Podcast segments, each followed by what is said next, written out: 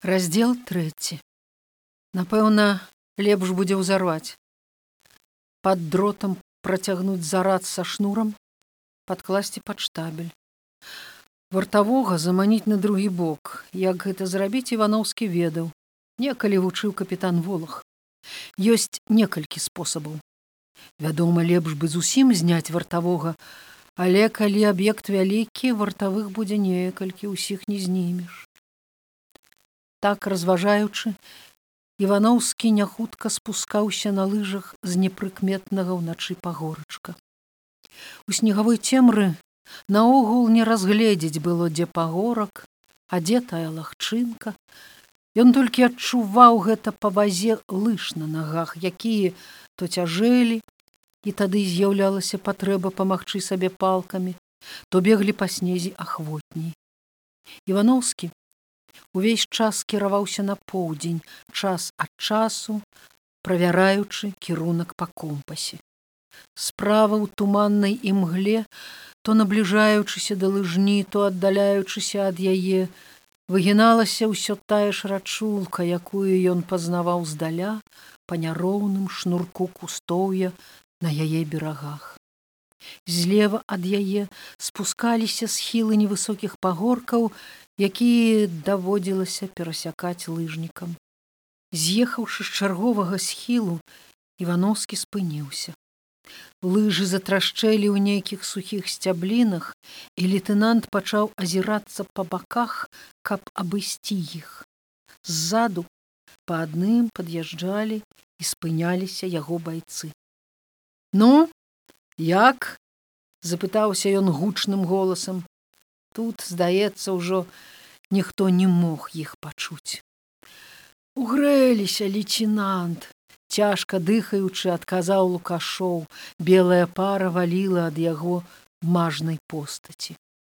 Суднік ухапіў жменю снегу і, падпёршыся палкамі, пачаў яго есці. Неўзабаве пад'ехалі хакімаў і краснакуцкі. Яшчэ нехта спускаўся па схілі.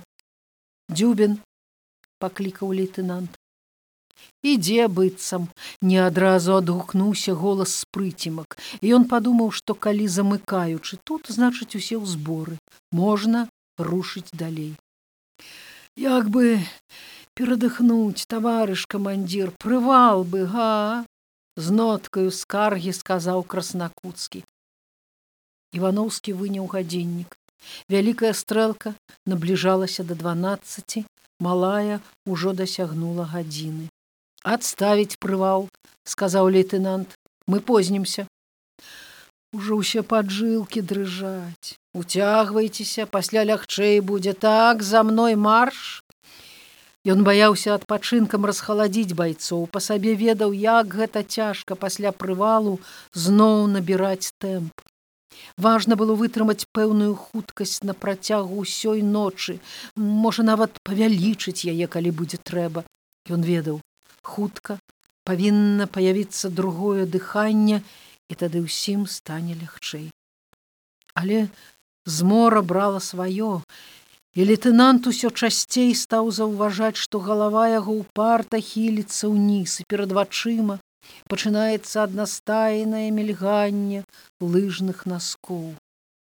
Аднойчы з намаганнем адарваўшы позірк ад снегу, ён згледзеў наперадзе штось аднастайна шэрае, падобнае на высокую сцяну лесу. І на самай справе гэта быў лес. Перапыніўшы іх шлях, трывожна і цягуча шумелі на ветры хвоі. Івановскі, недаўменна здзівіўся. На карце ў тутэйшым месцы не значылася ніякага лесу тым больш хвойнага. Ён падумаў што можа згубіў напрамак і пачаў таропка арыентавацца па компасе але не усё было правільна. Напрамак ён трымаў той самы дакладна 190 градусаў. Але чаму тады лес? І як з ім быць прайсці наскрозь, не мяняючы маршруту ці абысці, і з якога боку яго абыходзіць. Што лейтенант, перакур, запытаўся лукашоў ззаду. Чамусьці ён падышоў раней засудніка, які адстаў так, што ледзь угадваўся ў змроку.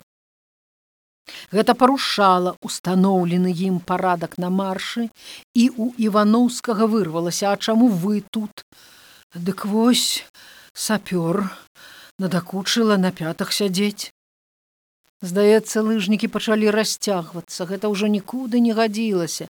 Лейтенант думаў, што па гатовай лыжні можна пайсці спрытней. Ён схаваў компас у рукаў і засяроджана згадваючы, што рабіць з лесам, чакаў, калі падыдуць астатнія.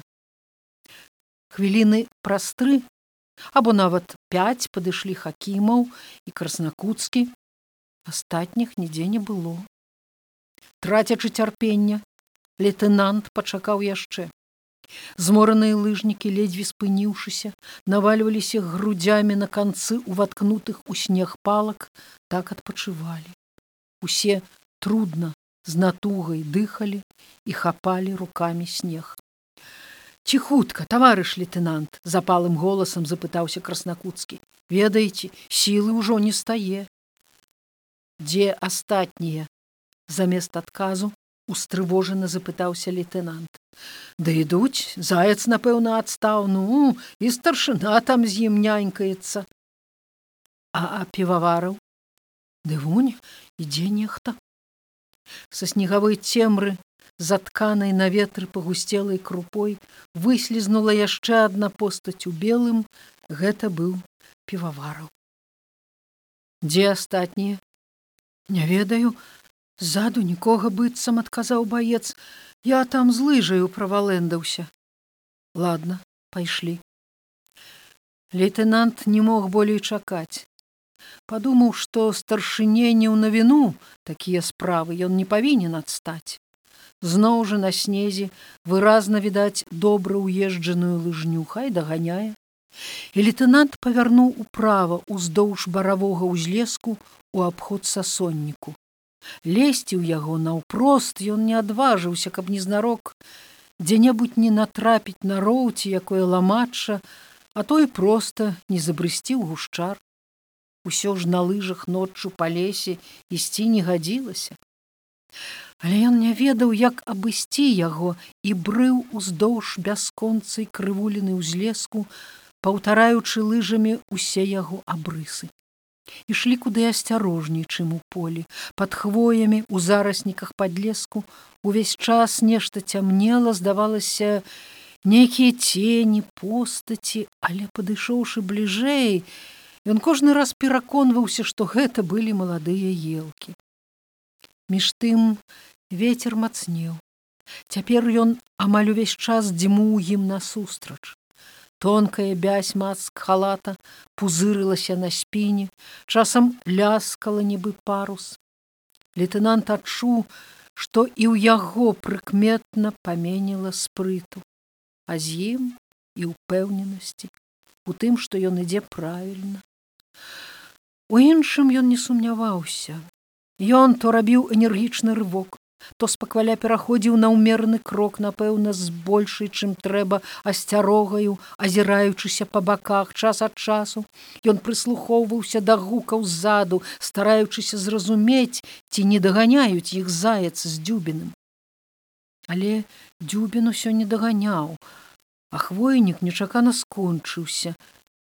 Яны нарэшце дасяглі заходняга краю лесу.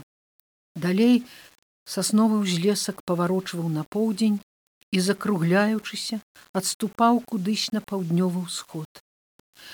Гэтага толькі чакаў івановскі. Ён нават уздыхнуў з палёгкай і спыніўшыся ўвагнаў палкі ў снег. Трэба было зрыентавацца з картай. У каго там півавараў? У вас палатка? У мяне таварыш лейтенант дай сюды не саступаючы з лыж івановскі прысеў на снезе півавараў старанна накрыў яго плашч палаткай. Пасля мільготнай белізны снегу зрабілася надзвычай цёмна і ціха. Слабай плямкай святла з ліхтарыка лейтенант павёў па скамечаным аркушы карты і адразу яму стала ўсё зразумела. Рака тут рабіла вялікі паварот направа.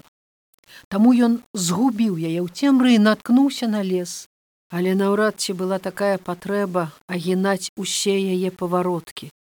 Напэўна, разумней было ўзяць адразу на поўдзень і тым зрэзаць немалы круг. Праўда, без ракі будзе трудней арыентавацца ўначы, тым болей, што карта мела свае недакладнасці. Хвойны лес, які яны абышлі, зусім не быў азначаны на ёй. Тапографы нанеслі тут толькі некалькі дробных кружочкаў, якія азначалі кустоўе.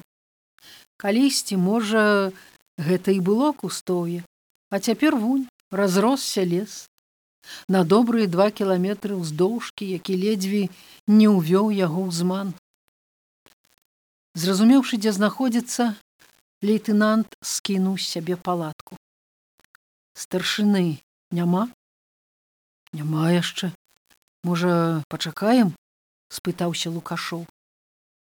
З апошняй надзеяй Івановскі угледзеўся ў ноч, прыслухаўся, але ззаду нікога не было чуваць.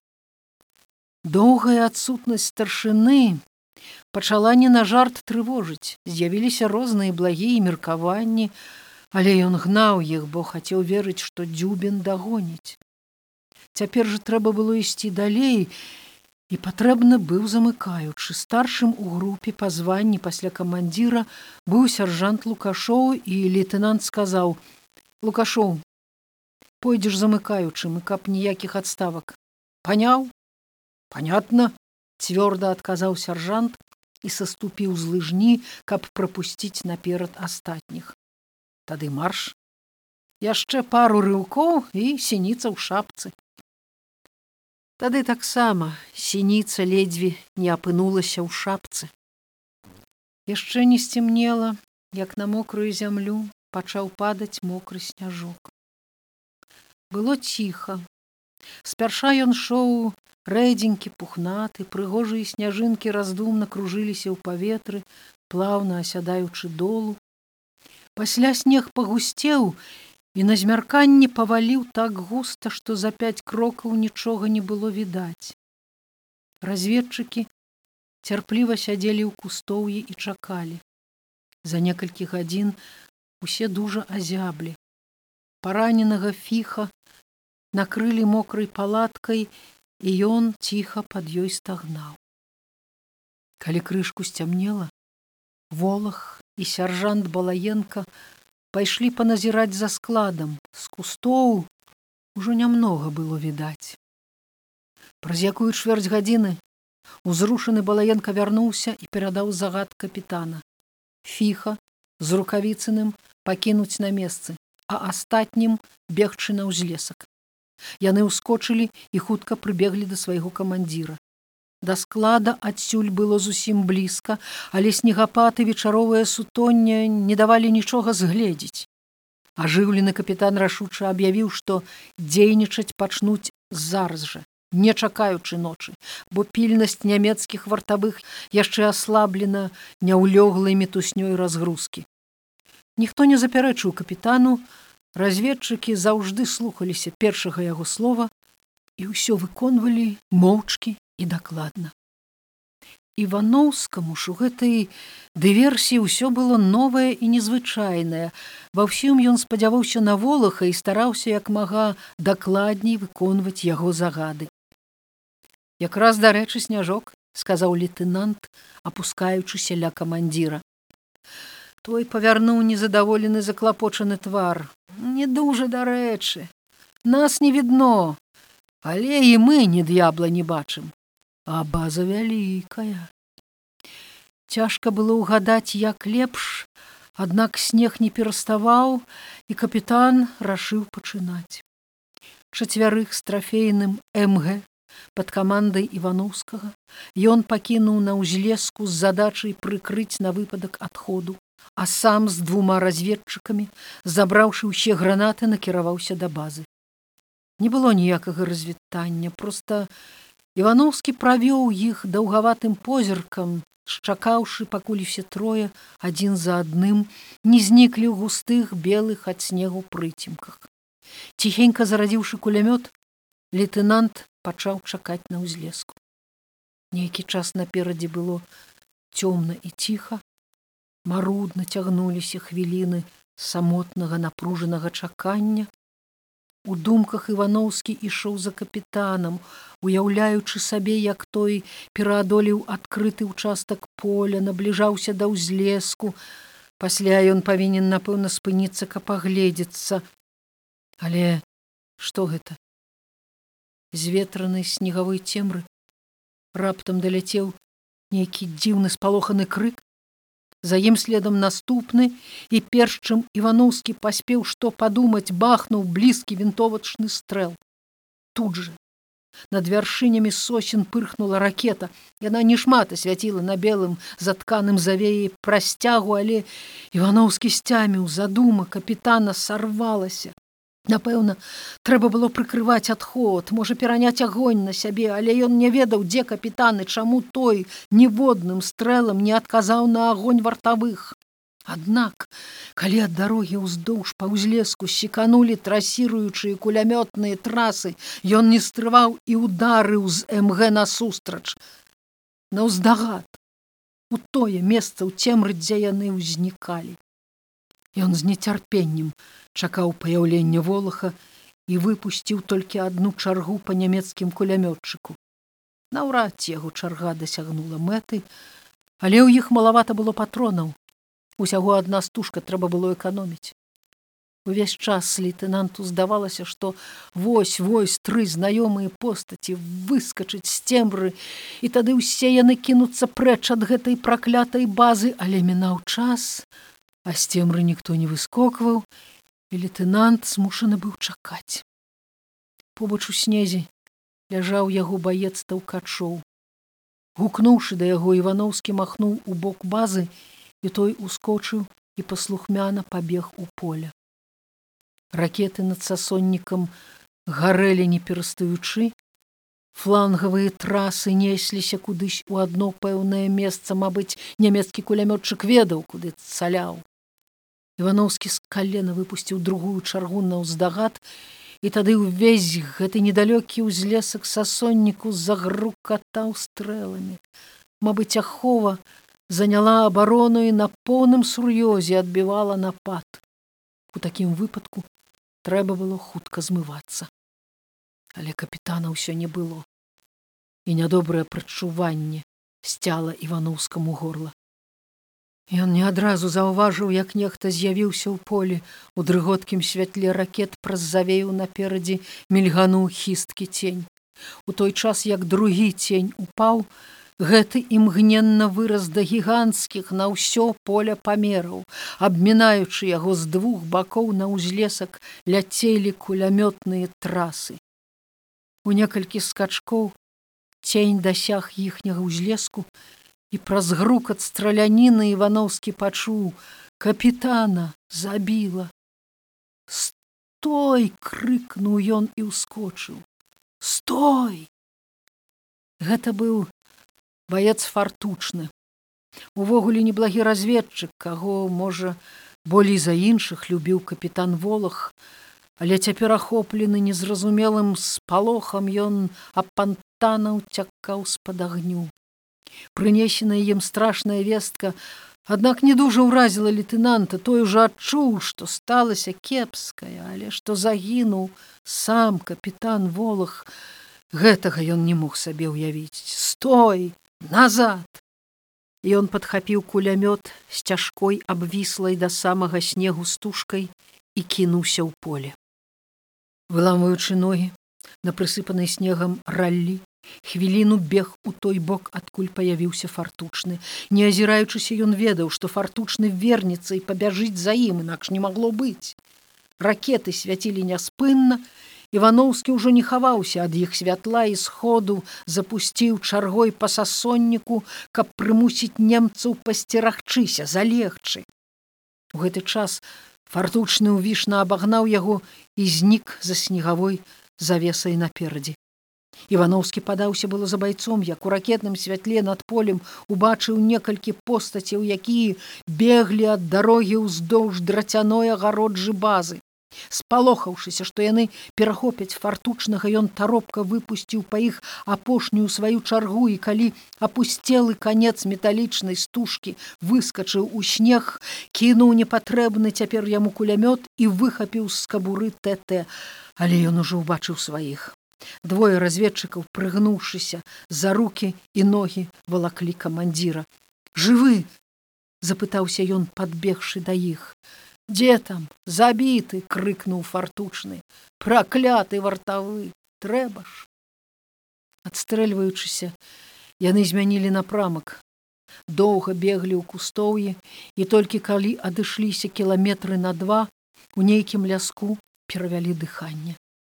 Капітан быў забіты ва ўпор несці яго далей не мела сэнсу да таго ж недзе паблізу трашчалі матацыклы здаецца немцы паслалі пагоню спяшаючыся яны як колючы разрыхлілі мокрую з лісцем зямлю выграблі неглыбокую ямку і прысыпалі ў ёй камандзіра. Прапаў таксама і адзін з разведчыкаў што пайшоў з волахам. Было невядома ці ён забіты? Ці можа адбіўся куды ў другі бок? Але чакаць яны не маглі. З кожнай хвілінай паблізу маглі паявіцца немцы уцячы ад якіх з параненым фіхам. Было б нялёгка праклінаючы тую халерную базу і сваю няўдачу івановскі павёў маленькую групу на поўнач далей ад сасонніку над якім усё смылелі ўначы ракеты і водцветы ад іх доўга суправаджалі байцоў на душы ў лейтенанта было пагана то яго ўзвінчвала злосць, то апаноўвала роспач. Увесь час хацелася лаяцца, але ён не асуджаў капітана. Напэўна, сам на яго месцы зрабіў бы таксама. Было крыўдна да слёз, што недарэчны сляпы выпадак так здорава дапамог немцам не наткнуўся б волах на вартавога напэўна ўсё было б добра яны б узарвалі базу і тады не спатрэбілася б і гэтая іх вылазка з яе непазбежнымі ахвярамі. Значыць трэба асцярожней. Трэба ў сто разоў асцярожней прадбачлівей тым больш яму івановскаму які цяпер быў адказны не толькі перад самім сабой